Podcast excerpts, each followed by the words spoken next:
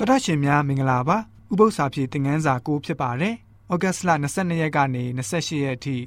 လေ့လာသွားမယ့်ဥပု္ပ္ပစာဖြည့်သင်ခန်းစာရဲ့ခေါင်းစဉ်ကြီးကတော့အောင်နိုင်သောစိတ်တော်ကိုမြင့်တင်ခြင်းဖြစ်ပါတယ်ဖတ်မဲ့ကျင့်ချက်တွေကတော့ရှင်ခရစ်ဝင်ခန်းကြီး၄ငွေ29ကနေ30ပြီးတော့ငွေ39ကနေ40နှစ်ရှမသက်ခရစ်ဝင်ခန်းကြီး15ငွေ21ကနေ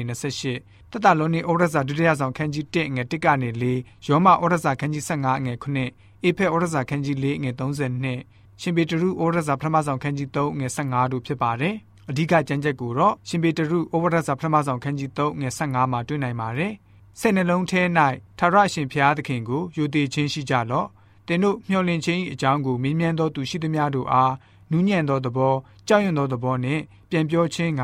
ကာလအစဉ်မပြတ်အသင့်ရှိနေကြလော့ဆိုပြီးတော့ဖော်ပြထားပါတယ်။ခရစ်တော်အသက်တာကိုကျွန်တော်တို့ လေ့လာလေလေဖះရှင်ကနေလူတွေကိုလက်ခံတည်ကြည်စေတဲ့အစွမ်းကိုအံ့ဩဖွယ်ကောင်းစွာမြင်တွေ့နေရပါတယ်ခရစ်တော်ရဲ့အချိန်မှာရှိတဲ့ဘာသာရေးခေါင်းဆောင်တွေကိုခက်ထန်စွာဆက်ဆံခြင်းရှိတော်လဲပဲအပြစ်ကြောင့်ဒုက္ခရောက်နေတဲ့သူတိုင်းကိုခရစ်တော်ဟာဝမ်းမြောက်စွာလက်ခံတော်မူခဲ့ပါတယ်အပြစ်နဲ့လုံးမဲနေရတဲ့သူတွေကိုတနာတော်မူပါတယ်မျှော်လင့်ချက်မဲ့အပြစ်ဆိုးခံနေရတဲ့သူတွေကို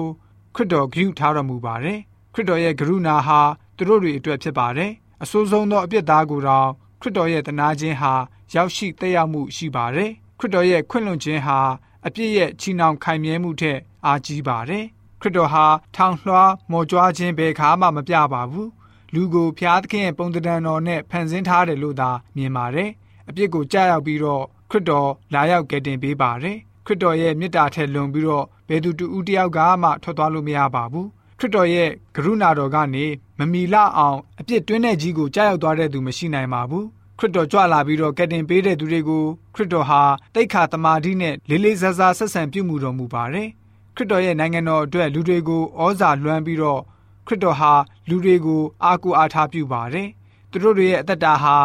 ခရစ်တော်ရဲ့ရှေ့တော်မောက်မှာပဲပြောင်းလဲပြီးတော့ပြည့်ပြည့်နိုင်ခြင်းအကြောင်းဟာလည်းပဲခရစ်တော်ဟာသူတို့တွေကိုကောင်းစွာဂရုပြုတော်မူတဲ့အတွက်ကြောင့်ပဲဖြစ်ပါတယ်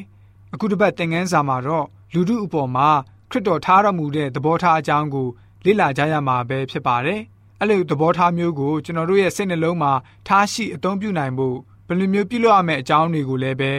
လေ့လာသွားမှာဖြစ်ပါတယ်ဆိုပြီးတော့ဥပုံနဲ့ဥပု္ပ္ပစာပြေသင်ခန်းစာကဖော်ပြထားပါတယ်။